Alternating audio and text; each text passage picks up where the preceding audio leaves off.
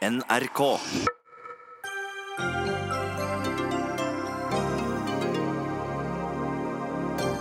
Krisemøter og forslag om militær unntakstilstand etter konfrontasjon mellom Russland og ukrainske skip i går. Dokumentarserien Gåten Orderud gir seerne et skjevt bilde av saken. Det mener privatetterforskeren, som selv er innleid av to av de dømte, som han mener blir pekt ut som de virkelig skyldige i serien. Knausgård anklager sin egen onkel for drap i Min kamp, mener universitetslektor som har finlest verket. Ingen andre finner den anklagen, svarer kulturredaktøren i Morgenbladet. Og er det rasistisk og brudd på loven å reklamere med at man gjør alt av negerarbeid?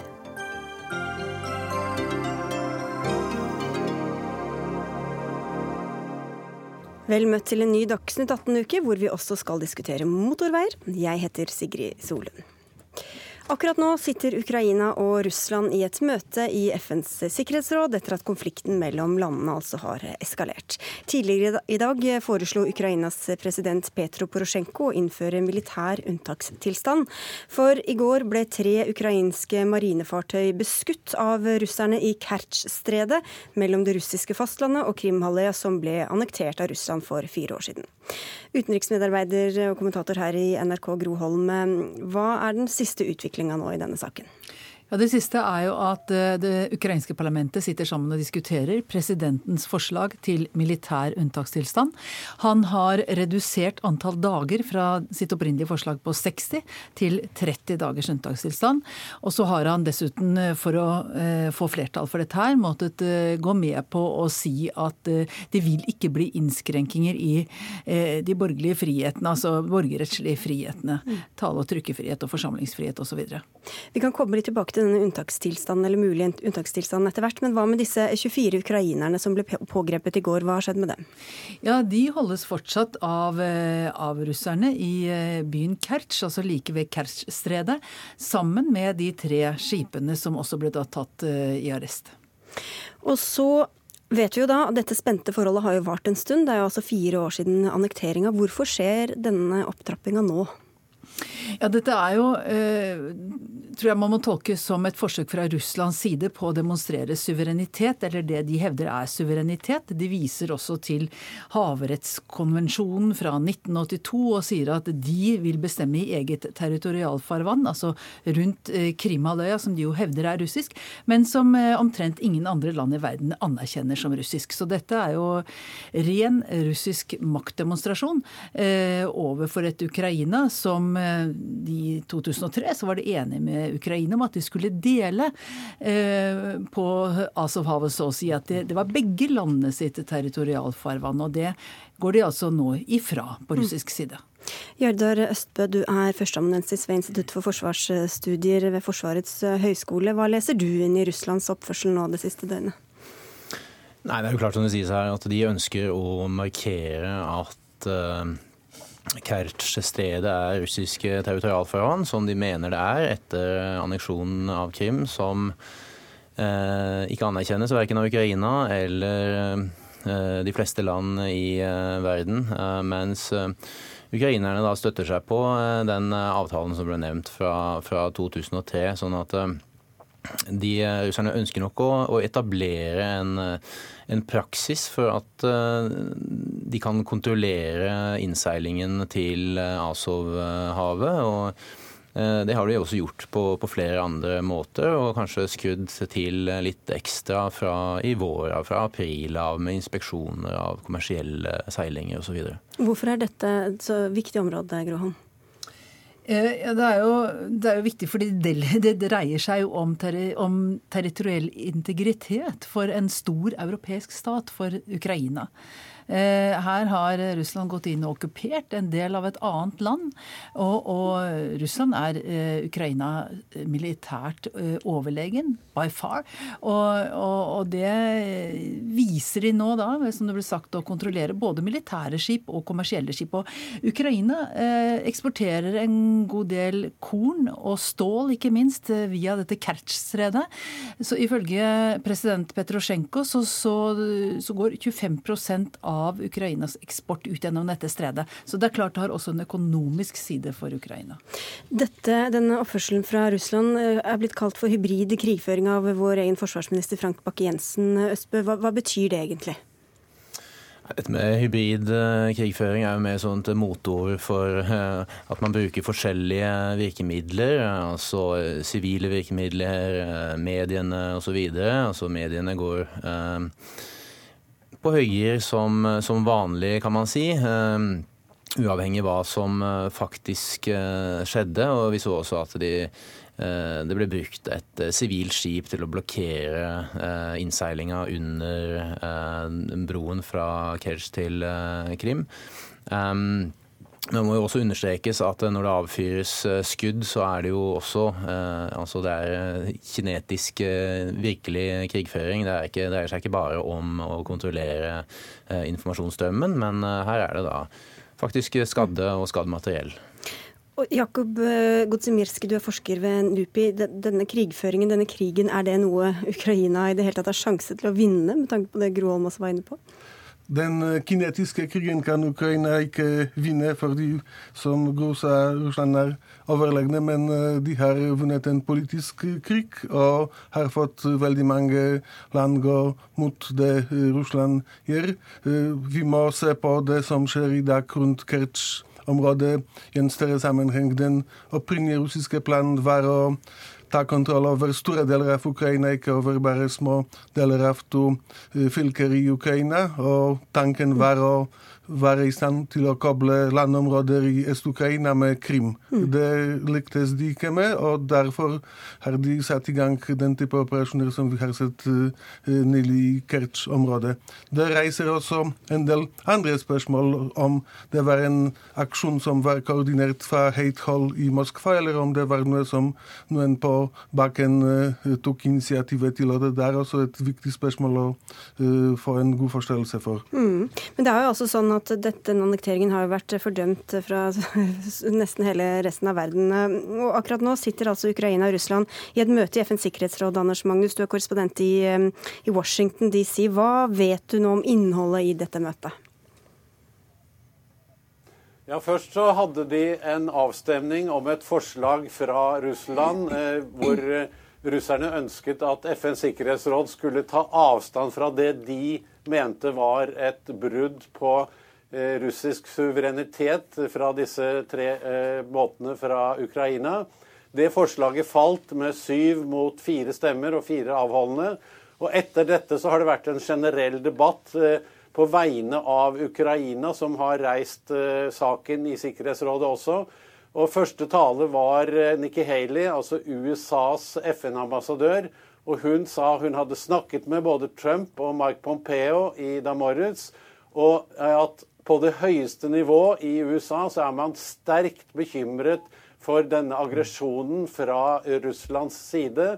Og hun sa at ingen siviliserte samfunn kan opptre på denne måten. Og hun ble fulgt opp av eh, både England og Frankrike, som i sterke ordelag fordømte Russlands handlemåte og sa at nå må Russland levere tilbake disse båtene. De må levere tilbake mannskapene. Og de må også sørge for at eh, internasjonal eh, trafikk kan gå gjennom dette stredet, og at eh, Ukraina kan komme inn til sine havner i Maripol gjennom dette stredet. Mm. er det et godt tegn, vil du si, at de møtes nå i, i dag? Det er, eh, for å si på, se på denne måten, det er bedre med dårlige forhandlinger enn uh, vellykket krigføring. ikke sant? Så det at de har begge henvendt seg til Sikkerhetsrådet for å få denne saken drøftet på det nivået, er noe positivt. Men det kommer ikke til å løse denne konflikten. Denne konflikten er såpass inngrodd og vanskelig å takles med at vi vil sannsynligvis mange av tilsvarende hendelser i nær fremtid. Hva tror du kan komme ut av dette møtet, Espe? Av møtet Sikkerhetsrådet? Mm. Eh, nei, høyst sannsynlig eh, veldig lite. Det er eh, mange andre sider ved, ved dette spørsmålet som Eller mange andre eh, faktorer som har innflytelse på dette spørsmålet her. Men eh, ja, hvilke faktorer da, tenker du på? Altså, dette er jo en konflikt mellom Russland og Ukraina, og hvor man tolker altså Russland hevder at Krim er russisk, og med det følger det et visst seilingsregime, mens ukrainerne står på det internasjonale samfunnet sitt standpunkt om at innseilingen skal være fri. Og dette har selvfølgelig røtter i, i, i det bredere konfliktbildet mellom Russland og Ukraina som ikke lar seg løse med et enkelt møte. Og så vet vi jo at eh, ofte når det er en krig, så handler det også om hvem som skal forvalte sannheten. Eh, og her er det jo ganske ulike mm, versjoner av den. Hva er den russiske versjonen av det som har skjedd nå? Ja, Russland er jo etter hvert blitt eh, kjent for å slenge ut veldig mange forskjellige versjoner. Men fra russisk UD så, så er det at de ukrainske eh, fartøyene ikke eh, søkte om tillatelse, eller søkte om innseilingstillatelse som, som, de skulle, og, og prøvde å framprovosere denne situasjonen her. Eh, og noe som de da tolker som Eh, har tre forskjellige årsaker, nemlig at eh, president Porosjenko, som skal gjenvelges, eller som søker gjenvalg i slutten av mars, eh, ønska da å styrke sin stilling på meningsmålingene, hvor han ligger ganske dårlig an, eventuelt utsette valget pga. denne unntakstilstanden. Um, og at man ønsket å da påvirke internasjonal, eller særlig vestlig opinion i, mot, mot Russland. Ja, det er jo uansett en ganske farlig situasjon også for Porosjenko. fordi han har, Vi har sett nå i formiddag hatt uh, høyreorienterte nasjonalister ute i gatene som har krevd diplomatisk brudd med Russland, som har foreslått at, uh, eller bedt regjeringen å, om å ekspropriere russisk eiendom i Ukraina. Uh, så han er presset fra den siden. Og, og, han er selvfølgelig presset også til å vise makt og motmakt i området rundt Kerch-stredet og Azovhava. Det er jo fare for at det kan skje nye eh, uhell eller villet eller ikke villet trefninger som kan få en spiraleffekt og kan komme ut litt av kontroll. Og selv om jeg ikke tror det blir noen full storkrig mellom Ukraina og Russland pga. det her, så, så kan det i hvert fall føre til en veldig ustabil situasjon. og det kan komme krav om at valg skal utsettes, eller at Porosjenko skal gå av. Det, altså det, er mange ting som kan skje også internt i Ukraina. Og da, Gosimirski, dette forslaget om unntakstilstand som vi hører som de nå sitter og diskuterer, hvor klokt var det oppi denne situasjonen? Som du ser det? Det var kanskje mer uh, å betrakte som et slags symbolsk uh, handling. Man uh, ville markere at det som skjedde i Kerch-området, var et, en negativ utvikling, og da ville man Da valgte man å reagere på denne måten. Hvorvidt det var klokt eller ikke, det får vi se hvordan dette skal praktiseres.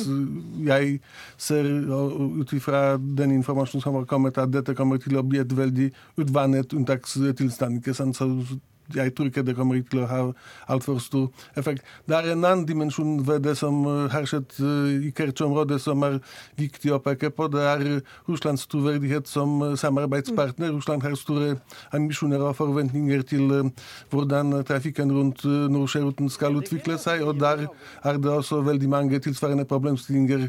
Både Kina og USA mener at det er de internasjonale regler som skal gjelde der oppe, mens Russland mener at det er de som er utelukkende utelukkende ansvarlig for det. Så det kan også smitte over på det som kommer til å skje ikke langt fra Norges grenser. Vi skal bare se om vi har med oss fortsatt Anders Magnus der. Vi hører i studio her at det er liten tro på at det blir noen særlige konsekvenser ut av dette møtet. Det, hva sier amerikanerne? Er dette en sak som i det hele tatt opptar dem i noen særlig grad? Det er jo ikke en sak som er eh, høyt oppe på dagsordenen internt i USA. Her snakker man mest om eh, migrasjonskrisen og disse som forsøkte å komme over grensen fra Mexico til USA i går. Men det er klart at i Sikkerhetsrådet så har USA vist en veldig sterk stemme i dag og sagt at dette er en oppførsel fra USAs side som ikke på noen måte kan forsvares og som fører til at det blir vanskelig for USA å normalisere forholdet til Russland, slik eh, president Trump har ønsket seg. Nå sier også Russlands representant i Sikkerhetsrådet at eh, det er ukrainerne som har brutt eh, deres suverenitet her. Dette handler kun om Porosjenkos gjenvalg, sa Russlands diplomat i Sikkerhetsrådet. Men det får jo ingen støtte fra verken USA eller fra de andre vestlige landene som er representert i rådet, så det blir jo ikke noen det blir jo ikke noe vedtak eh, i dag. På den ene siden så vil Russland blokkere alle resolusjoner mot Russland. Og USA vil, eh, og de andre landene har allerede blokkert resolusjonen som mm. Russland ønsket mot Ukraina. Ikke den kjempestore interessen i USA, Groholm, men vi ligger i hvert fall litt nærmere. Er kanskje litt mer spent også av den grunn. Hvor, eh, hvor farlig potensielt er den situasjonen vi ser nå? Altså, jeg tror at sånn type nye omvridninger i, i denne spiralen er, representerer jo en slags risiko. Altså, det er en risiko for at ting vil utvikle seg. Men jeg tror det er, det er, kanskje det største problemet er at du rykker på en måte tilbake igjen, ikke helt til, kanskje til start, men du rykker tilbake igjen når det gjelder muligheten til å få noen som helst løsning f.eks. på det som foregår i, i Øst-Ukraina. Det gjør det enda mye vanskeligere. Eh, og, og, selvfølgelig hele problematikken med Krim. Eh, det viser nå hvilken strategi russerne følger. De, de eh, bruker rå makt. De vet at de mangler internasjonal legitimitet, eller at dette er noe som godtas internasjonalt, men de bruker allikevel den makten de har, samme hva verden mener. Da får vi bare følge med og si tusen takk skal dere ha for at dere kom til Dagsnytt 18 eh, i denne runden. Altså Gjerdar Østbø fra eh, Forsvarets høgskole, Jakub Godsimirski fra NUPI og vår egen Groholm og Anders Magnus. Dagsnytt 18 alle hverdager klokka 18.00 på NRK P2 og NRK2.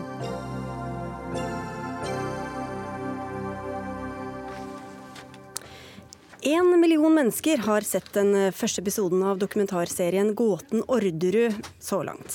Serien på seks episoder er laget av NRK og VG, og tar for seg trippeldrapssaken på Orderud gård i 1999. Men hvor balansert er framstillingen i serien, og hvilket bilde er det som fester seg hos seerne? Et skjevt et, sier du privatetterforsker Tore Sandberg. Hva baserer du det på? Ja, på de fem første programmene som hittil er sendt så må jeg nok si at jeg har ikke sett et eneste ordentlig kritisk spørsmål til politiets etterforskning. Eh, og det hadde vært helt på sin plass.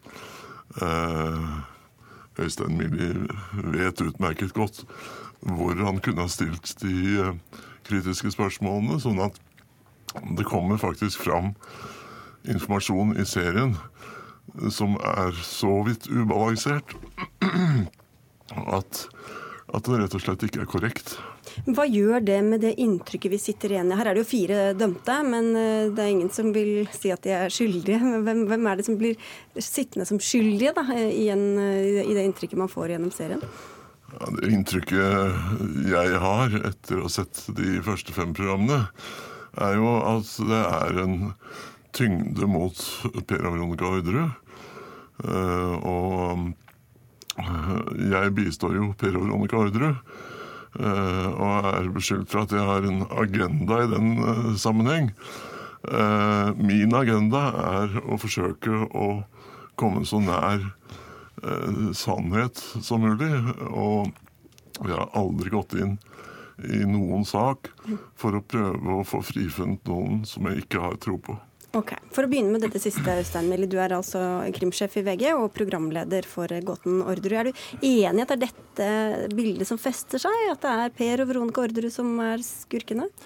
Nei. Og jeg tror Hvis du hadde spurt Kristin Kirkemo og Lars Grønnere, så tror jeg de hadde vært eh, omtrent like misfornøyd, eller fornøyd, alt ettersom, eh, som Per Veronica Orderud. Eh, Sandberg sier at han Eh, ønsker en oppklaring. Det ønsker vi alle, men forskjellen er jo at vi har et objektivt ståsted. Vi eh, utelukker ikke noen muligheter i eh, denne saken, sånn som han gjør, som har tatt et standpunkt på ekteparets side, og det er helt OK.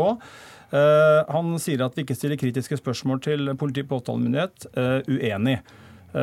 Jeg opplever at vår metode er å heller få fram refleksjon og Eh, få folk til å prate på den måten. Vi har fått uh, brakt en helt ny mulig fluktrute på banen, som politiet innrømmer har oversett i 1999, som jeg syns Tore Sandberg burde være interessert i, og som jeg kanskje også syns han burde ha oppdaga.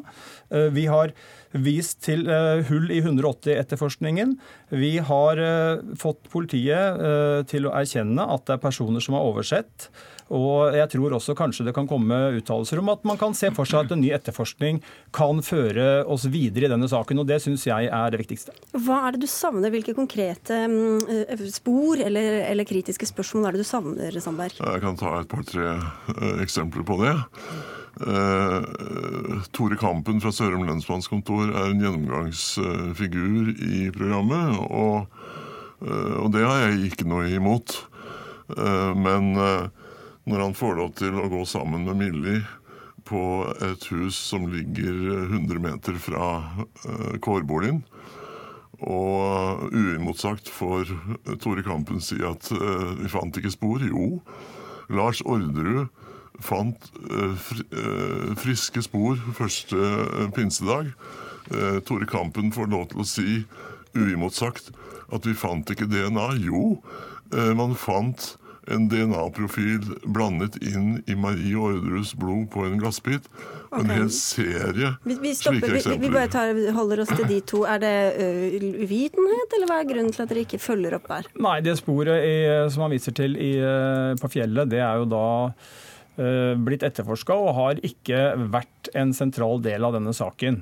Og så minner jeg gjennom at vi da har brakt på banen en helt ny Uh, mulig fluktrute, som da ikke inkluderer fjellet, Tore Sandberg. Men Betyr det at du ikke skal følge opp? Altså fordi Om det ikke har stått sentralt tidligere, så kan Nei. det vel fortsatt være sentralt den dag i dag? Ja, vi vurderer ikke det som sentralt. Mm. Så det er rett og slett ulike vurderinger, da? Ja, det er nok ulike vurderinger. Det tror jeg vi er ganske enige om at vi har i denne saken. Det, det, det, er, det er, ganske spesielt, fordi uh, Øystein Millie han uh, har nå konstruert en ny fluktrute flere hundre meter fra, fra kårboligen. Og han knytter det til eh, drapstidspunkt fem og en observasjon halv seks. Øystein Millie vet meget godt at Gjenopptakelseskommisjonen har fått eh, et vitneutsagn som er det eneste vitnet som har sett personer utenfor kårboligen. Vitnet hørte tre skudd. Han hoppet over eh, gjerdet og gikk oppover, eh, oppover jordet og ser to personer Eh, og da er klokka eh, halv ett-ett. Og det passer selvfølgelig ikke inn i, i Millis tidsskjema. Vi har ikke hørt et ord om dette vitnet. Det blir veldig detaljert her, si, fordi Du har, kommet med en begjæring til Gjenopptakelseskommisjonen hvor dere ønsker å få dette sett. Hvor du sier at du har en del informasjon som du mener de ikke tar inn over seg? Jo, hvis jeg har forstått det rett? Hvis, hvis, jeg skal få lov til å, å, å gi kommentarer Ja, ja. Jeg bare så, prøver å forklare her uh, konteksten. Jeg henvendte meg faktisk til NRK til Dagsrevyen jeg, etter program to og sa at jeg har behov for å få en flate i NRK for å kommentere. Da fikk jeg beskjed om du må ringe Monster. Så ringte jeg Monster, altså og da fikk jeg beskjed om ja. at da må jeg ringe NRK. Okay. okay men jeg for det første, Tore Sandberg vet godt at han har en vesentlig del i program 6. Punkt 2. Vår podkastprodusenter har forsøkt å få tak i Sandberg for å få en tale nå i flere dager, og responsen har vært laber. Punkt tre, når det gjelder unyansert bilde, så har jeg telt opp at vi har ni medvirkende som støtter ektepar Orderud, og to som vi har, bedt, som har, har fått tilbudet, og som ikke har takka ja. Vi har forsøkt å få begge de våpenekspertene som Tore Sandberg påberoper rundt dette magasinbeviset i tale. Begge har sagt nei til intervjuer.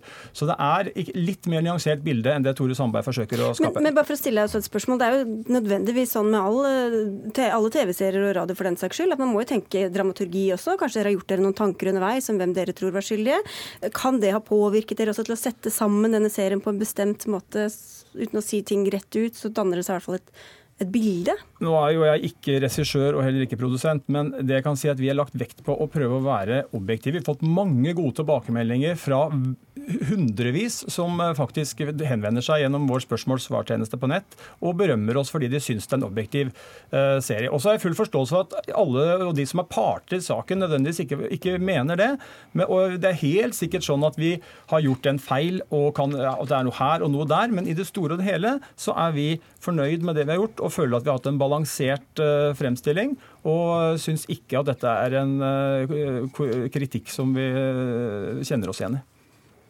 ja, jeg står helt og fullt på, på den, den, kritikken.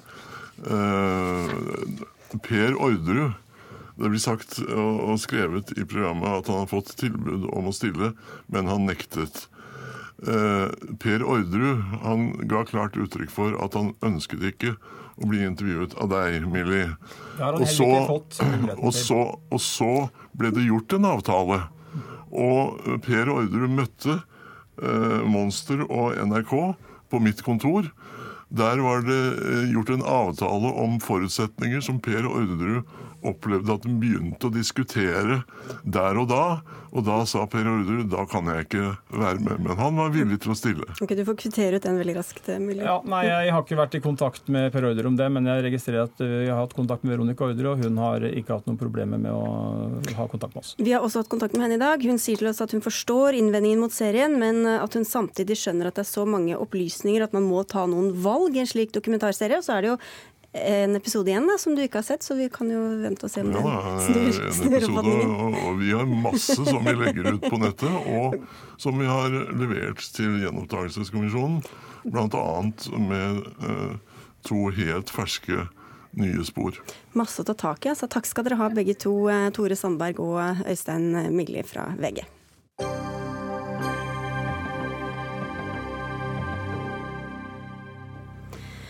Er du en av dem som irriterer deg over lange køer på motorveiene? Nå vil regjeringa endre på noen av veiene som i dag består av tre felt, altså med ett felt i én retning og to i den andre, til å bytte dem ut med fire smalere felt.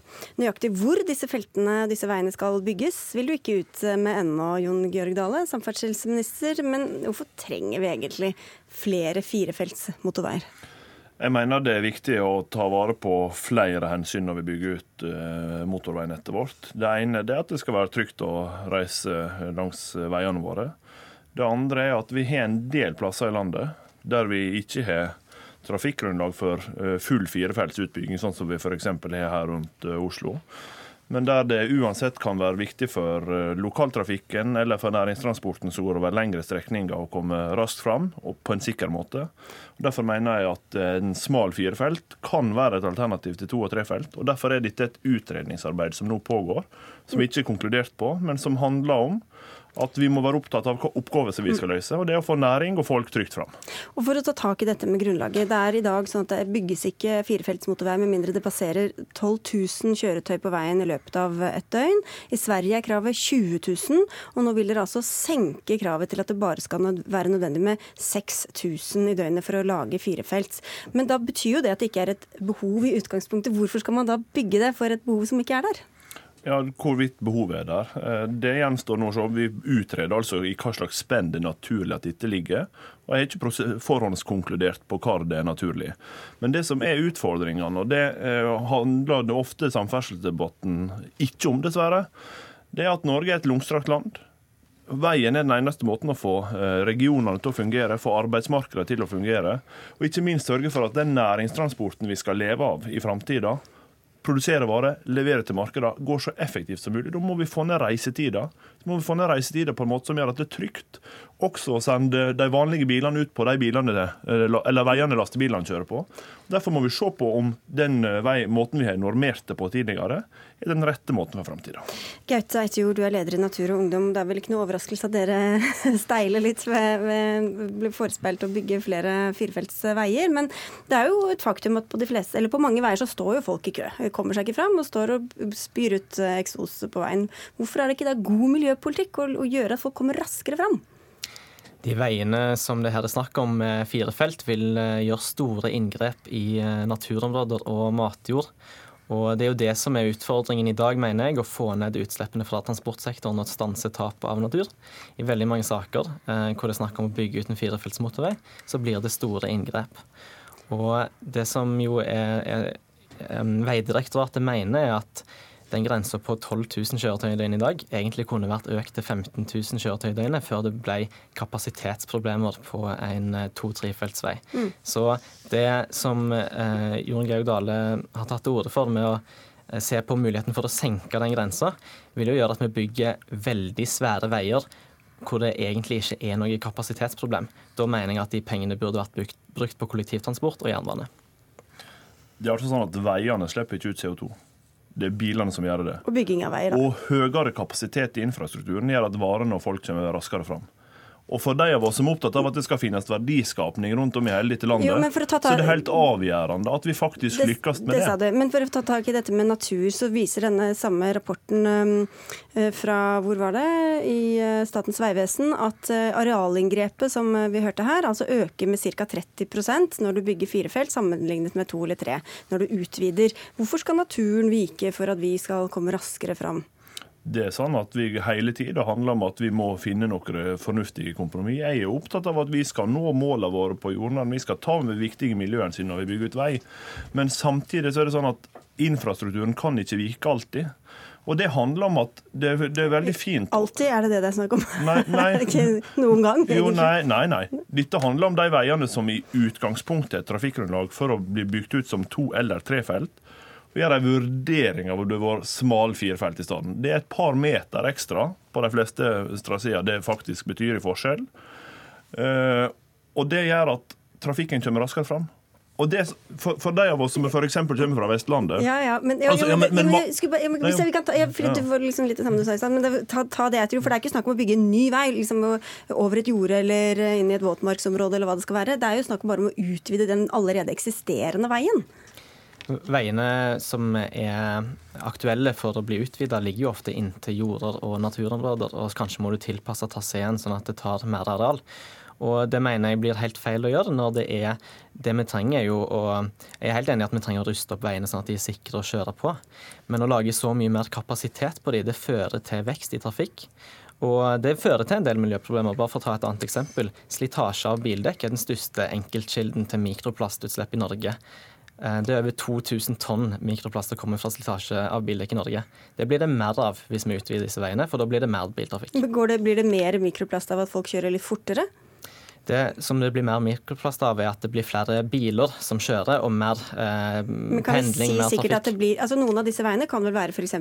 veier hvor, man, eh, hvor, mange kjører i påsken eller på sommerferien, eh, og hvor ellers ikke er noe behov for noe for, altså Folk har ikke behov for å kjøre mer. Men i de, i de periodene så, så, slipper man å stå i kø.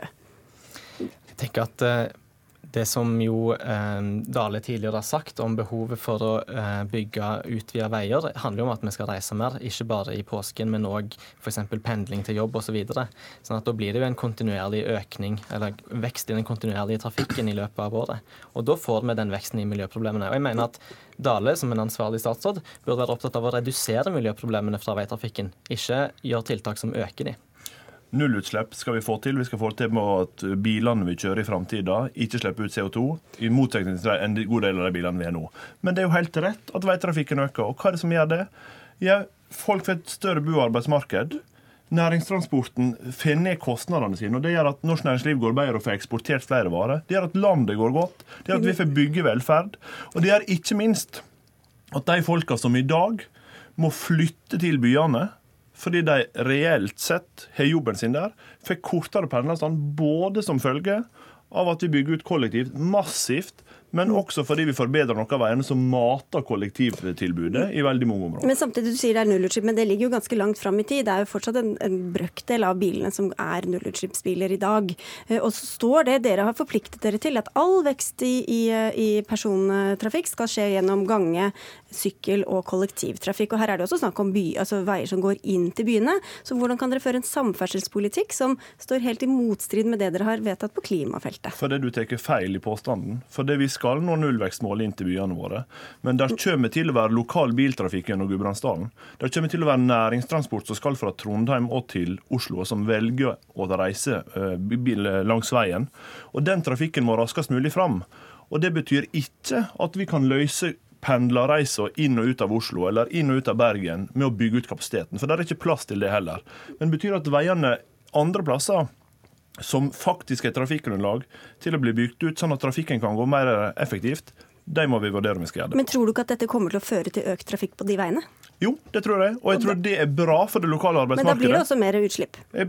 Ikke så lenge bilene, ikke så lenge vi faktisk lykkes med å få folk til å kjøre nullutslippsbiler, som er målet at vi skal gjøre innen 2025. Alle biler vi selger til personbilmarkedet, skal være nullutslippsbiler. Men mellom nå og 2025, da. Jo, men tross alt så handler dette om helt grunnleggende å få arbeidsmarkedene våre til å fungere, og få hverdagen til å fungere. At vi skal reise på trygge veier. At vi i tillegg skal få fram eh, det, det, alt det det fantastiske norsk næringsliv produserer. Og da medfører det økt trafikk noen plasser. Og det er bra fordi mobiliteten bedres, fordi arbeidsmarkedet bedres, og fordi at norsk næringsliv går bedre. Og for de som har tenkt å leve av et Norge uten olje, så må de i hvert fall være opptatt av å legge til rette for Og da er det jo sånn, man, altså I 2025 skal vi ikke selge flere fossilbiler, og da er det jo ikke snakk om noe mer utslipp da på disse veiene. Bortsett fra den plasten, da. Det er jo snakk om å ikke selge flere biler som ikke er nullutslipp, men det vil jo fremdeles finne ganske mange fossile biler. Og jeg synes jo, når det blir tatt opp dette med nullvekstmålet, dis- denne trafikken skal jo til og fra en plass. Det snakkes om å bygge ut veier i nærheten av Kristiansand, eh, Stavanger, eh, Hamar, Grenland. Dette er områder som er omfattet av at nullvekstmålet. For vi skal ikke ha mer vekst i biltrafikken hvis vi skal klare å løse klimakrisen. Og da tenker jeg at det er dumt å legge til rette for nye veier som slår beina under nullvekstmålet, som slår beina under målet om å få mer gods på bane, og ikke minst jordverninteressene. Og fortsatt skal dette utredes, så vi har masse tid til å diskutere det ved senere anledninger. Så tusen takk skal dere ha begge to, eh, samferdselsminister Jon Georg Dale og natur- og ungdoms Gaute Eiterjord.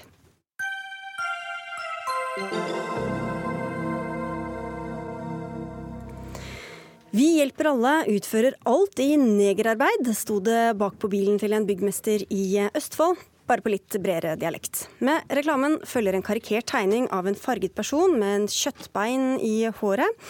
Men er dette greit? Nei, mente politiet, som eh, anmeldte byggmesteren for hatefulle ytringer etter straffelovens paragraf 185.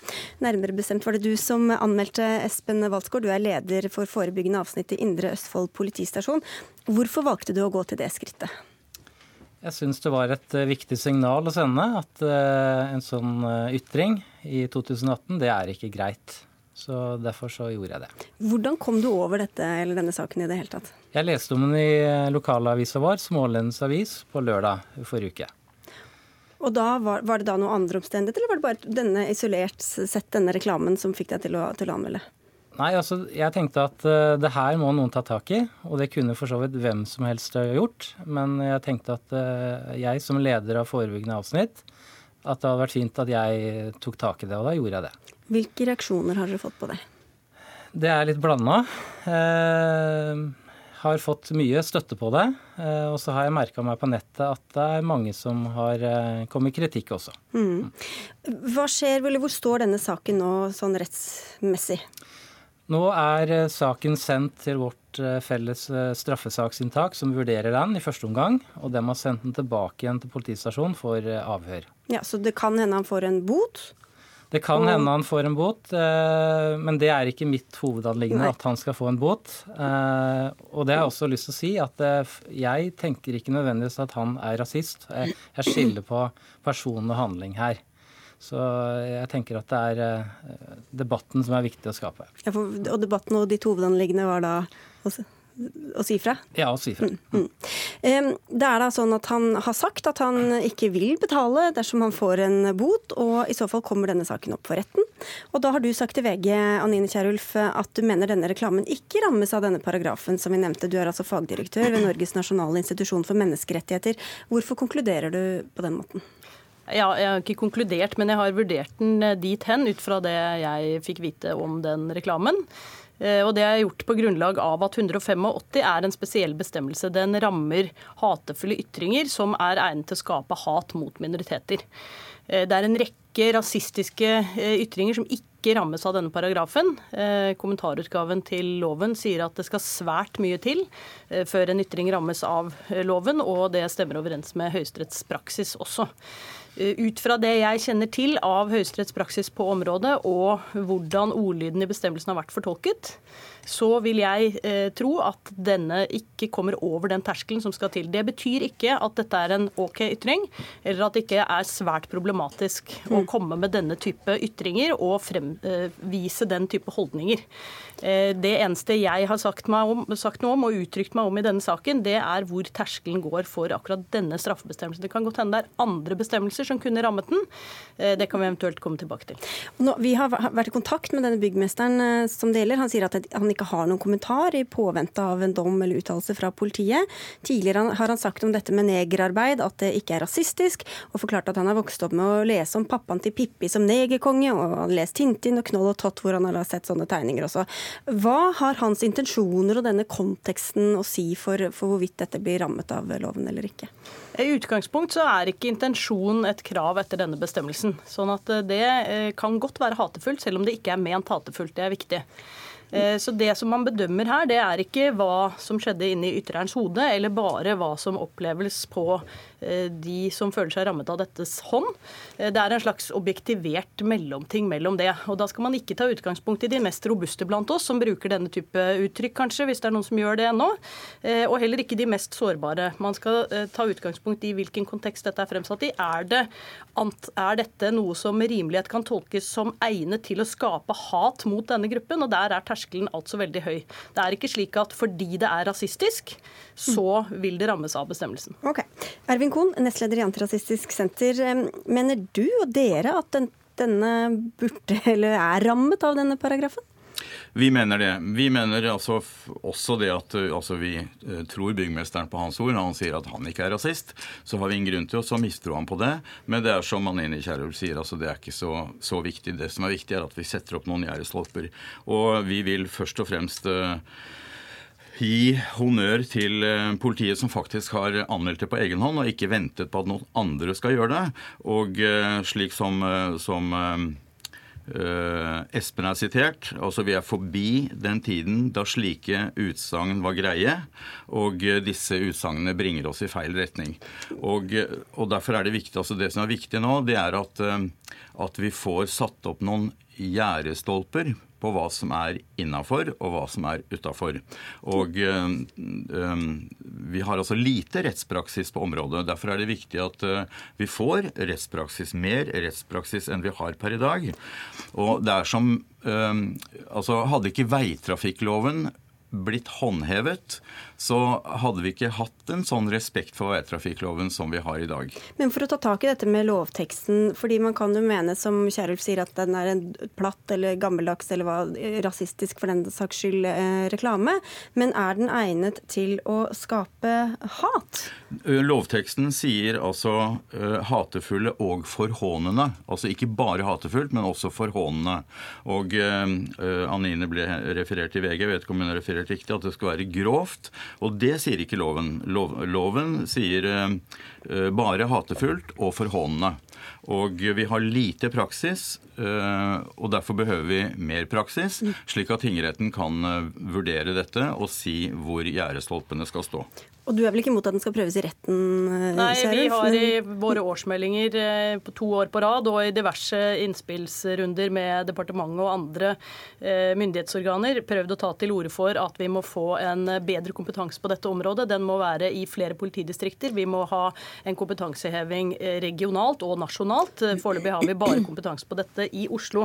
Det som er det store problemet, er at det er en masse hatefulle ytringer der ute som åpenbart rammes av denne bestemmelsen, som ikke forfølges følges. Både fordi det er kompetansemangel, men også fordi det er ressursmangel i politiet. Det er det vi anser som et hovedproblem i denne sfæren her. Eh, så har man en masse hat og hets som ikke rammes av denne bestemmelsen. Det er på ingen måte uproblematisk. Det er svært svært ødeleggende for dem det gjelder, for de gruppene det går utover, men også for vår felles offentlighet. Spørsmålet er hvordan kommer man dette til livs best? Og akkurat denne bestemmelsen den er ikke der for å ramme den type hets som ligger under den terskelen Høyesterett har oppsatt. Så er det helt riktig som Ervin Kohn sier, at uh, ordlyden i denne lovteksten den kan se ut som om den rammer også denne type ytringer. Det er en utfordring med denne bestemmelsen. Det er at den tolkes annerledes enn den er å lese. og Det er et problem i en rettsstat at vi har lovbestemmelser som eh, gir uttrykk for noe som, er, som blir praktisert på en annen måte. Men det er ikke så lett å unngå, fordi man i denne type saker både må gjøre en avveining mot ytringsfriheten i mer politiske spørsmål, det er jo ikke denne, eh, men også fordi at ytringer alltid må tolkes i en kontekst. Og det som Høyesterett har gjort, i tillegg til å si at det er en betydelig terskel for å komme inn i denne bestemmelsen, det er også når man ligger utenfor kjerneområdet for ytringsfriheten, sånn som dette er et eksempel på, eh, så ser man på om dette er en åpenbart sjikanøs hensikt. Og det er ikke klart at det er det i denne situasjonen. For bare for, hvis du klarer å si det veldig kort, så, så mener ikke du heller at denne burde vært eh, dømt hvis den kom opp i retten, eller? Ikke etter denne bestemmelsen. Det er flere ja, bestemmelser ja, som ja, kunne vært brukt for å ramme Ikke etter denne paragrafen, eh, Kohn. Men det det er, det, det, det er, denne paragrafen vi har å forholde oss til. Vi diskuterte utenfor markedsføringsloven, men det, det, eh, tror jeg ikke er godt nok. Men det som er viktig her, det er også nettopp å sette de grensene. Altså Vi forsøker også, eller vi har hatt svære programmer hvor vi forsøker å bekjempe mobbing i skolegårdene. Og, eh, og, det har man lykkes med til en viss grad, og man kan sende elever til rektor. Og det kan vi ikke gjøre her. Så hva gjør vi her? Vi kan ikke sende byggmesteren til rektor. Derfor er vi så glad for at vi har politiet som har tatt ansvar og vært modig og eh, lekt rektors rolle i denne sammenhengen. Det vil bare høre med deg, Valskov. Det er vel ikke vanlig at du anmelder på denne måten, eller? Nei, det er ikke vanlig, og det er første gangen jeg har gjort det. Så det var liksom nesten uunngåelig, syns jeg, denne gangen å ta tak i det. Men du jobber da altså i forebyggende enhet. Hva er dine refleksjoner eller erfaringer om dette forholdet mellom eh, ytringer og holdninger, og eventuelt handlinger? alle de eh, innspillene jeg har fått i ettertid, så, så husker jeg jeg fikk et uh, håndskrevet brev inn på politistasjonen i denne sakens anledning hvor vedkommende skrev at uh, han eller hun da, syns at uh, vi burde ta tak i så mange andre ting da, før vi tok tak i dette. Vi, vi kunne f.eks. ta tak i å forebygge såkalte svenske tilstander. Og det er da jeg mener at uh, å ta tak i en sånn sak, det må, det må folk forstå. Det er jo nettopp å forhindre, forhindre utenforskap, fremme inkludering og, og, og, og den likhetstanken da mellom mellom oss da, som skal faktisk bo i lokalsamfunnet sammen. da. Samtidig så er det sånn at han det gjelder, han hevder at dette bare var humoristisk ment. og Hva, hva slags samfunn får vi hvis folk skal være redde for å komme med en eller annen sleivete bemerkning eller reklame, som i dette tilfellet er i frykt ja. for å bli anmeldt av, av, av, politiet for det? Jeg vet ikke om jeg er den rette til å svare på det, men eh, jeg tenker at uh, noen ganger så kommer vi på noe som er morsomt, men vi må klare å begrense oss. Dette er ikke en sleivete bemerkning. Dette er på bilen hans. Han kjører rundt med den hver dag fra morgen til kveld. Dette er ikke en sleivete bemerkning. Altså, uh, hvis han tar den bort, så er det fint. Altså, det er forskjell på det og en sleivete til bemerkning. Og det, det, er veldig vanlig å høre at ja, såpass må vi tåle. Men hvem er da vi? Det er da stort sett majoriteten, og ikke minoriteten som det ofte går utover. Jeg, jeg tenker at Det er veldig viktig, da, for det er, veldig, det er eh, umulig, tror jeg, når man ikke er eh, et medlem av en utsatt gruppe selv, å vurdere hvor krenkende dette kan føles. Eh, det må vi ha med oss. Det som er en utfordring, og jeg, jeg synes det er veldig prisverdig å prøve å sende det, det signalet som du gjør her, sette ned så langt, men ikke lenger. Dette kan vi ikke godta. Det som er en utfordring med å prøve å sende signaler i forhold til saker som kanskje ikke blir dømt, Uh, og jeg skal ikke si at jeg tar rett her, for det er et vanskelig område. Kan godt hende retten kommer til noe annet. Det er jo at man, hvis man får en dom på at dette er greit, så har du plutselig et signal en helt annen vei. Og det ønsker man jo kanskje ikke i denne sfæren. Men du har vært skuffa, Kohn, over at, at Kierulf i det hele tatt kom med dette, denne vurderinga nå på dette tidspunktet også, og landet, landet som hun gjorde? Eh, ja, nå eh, hører jeg Janine si litt andre ting enn hun ble sitert på i VG. Og eh, det var det jeg reagerte på, for det jeg sa i VG jeg, altså Min reaksjon var ikke veldig. Jeg tror kanskje at Janine ikke har sett hele, hele reklamen, bare fått opplest teksten. Og det er viktig å se begge deler i sammenheng. For teksten alene, da vil jeg nok være på linje med Anine at det kanskje er uh, utafor og ikke innafor loven. Men, eller omvendt. Men, uh, men Eh, det som også er viktig, da, altså både Anine, som representerer NIM, som er altså Nasjonal institusjon for menneskerettigheter, og uh, Antirasistisk Senter bør være på samme side og kjempe for menneskerettighetsutbredelse og ivaretakelse i Norge. Det er det som er, er, min greie der. Mm. Ja, jeg er helt enig i at vi kjemper sammen. Du sitter jo også i vårt, vårt rådgivende utvalg, og det setter vi stor pris på. jeg tenker at vi Eh, vi har nok en litt ulik funksjon. Dere har en pådriverrolle og et ansvar som er utrolig viktig, og som dere ofte tar på en veldig god måte. Eh, vi, Innenfor vårt mandat har vi mer av en opplysningsrolle for hva ulike og av og til ganske vanskelige menneskerettslige avveininger tilsier. Eh, så er det opp til vårt demokrati, gjennom den type interesseorganisasjoner, gjennom våre folkevalgte, å bestemme hvordan eh, vår lovsituasjon skal være innenfor det rommet. Og så kan vi prøve å redegjøre for hvordan den lovsituasjonen er i noen konkrete tilfeller. Av og til vil vi si dette er åpenbart rasistisk, dette er åpenbart hatefulle ytringer og burde forfølges. Av og til sier vi her er vi mer i tvil, og det har vi gjort her. Og Så får vi se hva både juristen i politiet ender opp med, og om dette kommer opp for domstolen. Så får vi eventuelt ta en ny runde da. Men tusen takk skal dere ha alle tre for at dere kom i denne omgang. Anine Kierulf altså fra Norges nasjonale institusjon for menneskerettigheter, til Ervin Kohn fra Antirasistisk Senter, og til deg, Espen Walsgaard fra Indre Østfold politistasjon. Hør Dagsnytt 18 når du vil. Radio NRK Radio.nrk.no.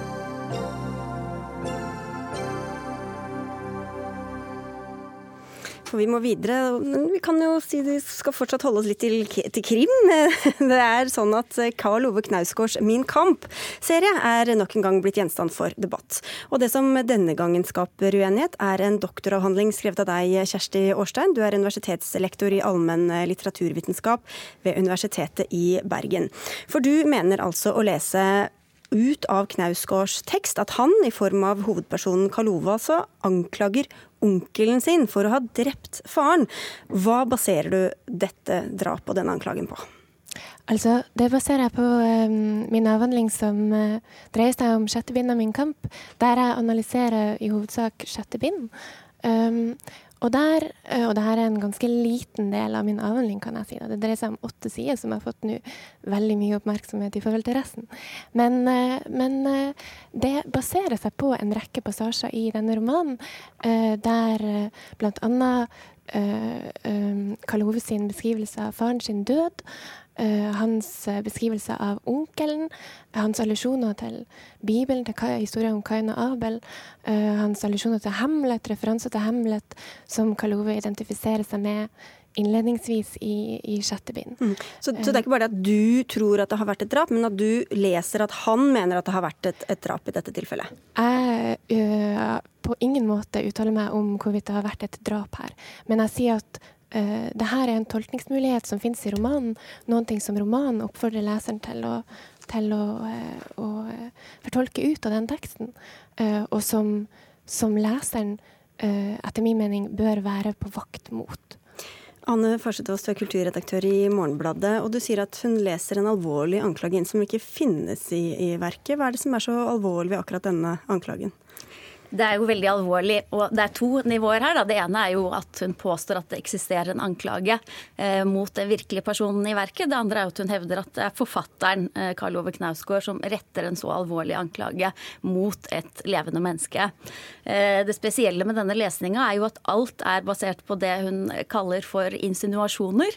Eh, det finnes jo ikke noe sted i teksten der dette står, og det er basert på å klippe sammen eh, negative karakteristikker av onkel Gunnar Gunnar, sette de sammen med litterære referanser som handler om helt andre verk og helt andre hendelser. Det spesielle, syns jeg, det er jo at denne avhandlingen skal dreie seg om problemet med levende modeller og etikk i Min kamp, som har vært en kjempestor diskusjon. Det er jo da kjempeinteressant at en litteraturviter har lyst til å gå inn i den debatten. Men det kunne hun ha gjort bare med å forholde seg til den reelle konflikten mellom Karl Ove Knausgård og onkel Gunnar i boka, som dreier seg om hvordan det var mm. den eh, dagen eh, eh, Karl Oves far døde. I stedet så finner hun på eh, en drapsanklage som jeg mener det ikke fins noe grunnlag for å lese ut av teksten. Ja, hvis vi tar tak i det bare, for det er jo ganske mange mennesker som har lest, eh, lest denne boka, Årstein. Hvorfor tror du at du i hvert fall relativ ensomhet finner noe som veldig mange andre ikke har sett? Det uh, tror jeg jo ikke at jeg er den første som har sett, eller det vil si, det vet jeg jo. For eksempel nå for ikke mange uker siden så anmeldte Fredrik Jameson sjette bind av Min kamp uh, for London Book Reviews. London Review of Books. Og, uh, og da, da, skriver han også at han ser at sjette bind har et budskap som er retta til onkelen, da i likhet med Hamlet. Og de fleste vil vite at prins Hamlet som mistenker at hans onkel har drept hans far. Og uh, går fram på den måten da, at han setter opp et skuespill uh, som dreier seg om en konge som blir drept. Og han, uh, han vil da se hvordan onkelen reagerer. Når onkelen spretter opp, blir rasende, så tenker Hamlet at han har fått bekrefta sin mistanke. Men dette det her... er en helt uredelig fremstilling av hva Fredrik Jameson skriver. Han skriver, akkurat i likhet med deg, at det er et budskap rettet til onkelen, men han skriver ikke noe sted at dette budskapet handler om en drapsanklage. Du kan ikke ta han til inntekt. Han snakker om at teksten snakker til onkelen, akkurat som du eh, også gjør. Eh, men det står ingenting der om denne drapsanklagen. Du kan ikke ta det til inntekt for din lesning. Han sier at uh, det gjør teksten i likhet med Hamlet sitt skuespill, eller i likhet med Hamlet. Uh, og det er jo en ganske tydelig uh, tydelig insinuasjon, da. Eller en tydelig antydning.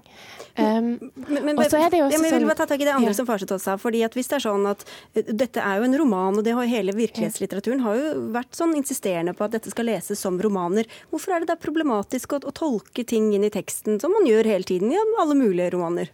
Alle litteraturfortolkere tolker ting inn i teksten, eh, men her er jo premisset for denne doktoravhandlingen at det dreier seg om levende modeller, og det er den etiske bekymringen på virkelige menneskers vegne. Årstein eh, skriver gang på gang at her fremmes det en alvorlig anklage mot et gjenkjennelig menneske, og at dette er et graverende overgrep. Så det er altså på vegne av den levende modellen, onkel Gunnar, hun er bekymret her. Og da kan man ikke i det ene øyeblikket si jeg driver bare med litterær fortolkning av fiksjonelle karakterer, karakterer, og i det andre øyeblikket si dette er levende mennesker. Det blir jo da Årstein som eh, er den som fremsetter denne påstanden om at det finnes en anklage i offentligheten, en påstand som ikke eksisterer ellers. Så i stedet for å problematisere, så, så lager du et problem, egentlig da, Årstein?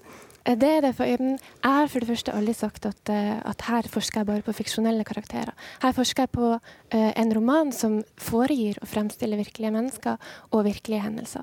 Og så kjøper ikke jeg den, men jeg sier overhodet ikke at dette er, bare, er bare fiksjon. Men jeg baserer min tolkning på romanen, det er riktig. Og i den romanen så finner jeg flere, uh, flere passasjer som inviterer oss som lesere til å, å, eh, tolke ut en anklage. Og så er det jo sånn at så sier Farstad at å ja, fordi at du må eh, finne, fler, finne denne anklagen på flere steder i romanen, så er den ikke holdbar. I de aller fleste tilfeller så vil det jo være sånn at når det er flere ting som tyder på det samme, Eh, flere passasjer i en roman som tyder på den samme fortolkninga, så vil jo det være eh, et argument for den fortolkninga. Eh, jeg kunne ha nøyd meg med færre passasjer, men, men det er ingen av passasjene som, rette, som, peker mot en drapsanklage. Hvordan ville du f.eks. For fortolka da? Når uh, Kalove rett etter å ha, ha, identifisert seg med Hamlet, som ligger og spekulerer på om hans onkel har drept hans far, uh, så, uh, så, får vi da høre at han har har eh, skrevet en roman om, han har skrevet første bind av en roman om hans fars død. Han har kjent manus til onkelen, og han, uh, han, uh, han får da eh, rasende tilbakemeldinger i form av en rekke e-poster der onkelen kritiserer romanen, Karl Ove, hans mor osv. Og, og det som Karl Ove da har bitt seg merke i, da, i all den kritikken, er eh, at onkelen påstår at det var han som vaska huset der faren døde, og ikke Karl Ove og hans bror. Og Det er jo det romanen dreier seg om, eh, og hele debatten i offentligheten har dreid seg om uenigheten rundt hva som faktisk skjedde der. Det er det at du trekker den uenigheten, som jo er opp i dagen, som er det det dreier seg om. Om man kunne ha gjort den etiske lesningen som du gjør. Men du trekker det videre til en drapsanklage. Men det høres ut som du mener Farset, også at, at, det hadde vært en grei fortolkning fra hvem som helst annen enn en som skulle problematisere bruken av virkelige modeller? Eller? Nei, for her, det er jo de virkelige modellene det dreier seg om. Ikke hvilke som helst. Det er jo ikke at Årstein gjør det, det er jo at det blir gjort Men, i, en, i, en, bok som da dreier seg om virkelige mennesker. Og det forskningsetiske her, da, det vil jo da være å si jeg eh, snakker på vegne av virkelige mennesker. Altså må jeg ta inn over meg eh, de virkelige menneskenes eh, synspunkter.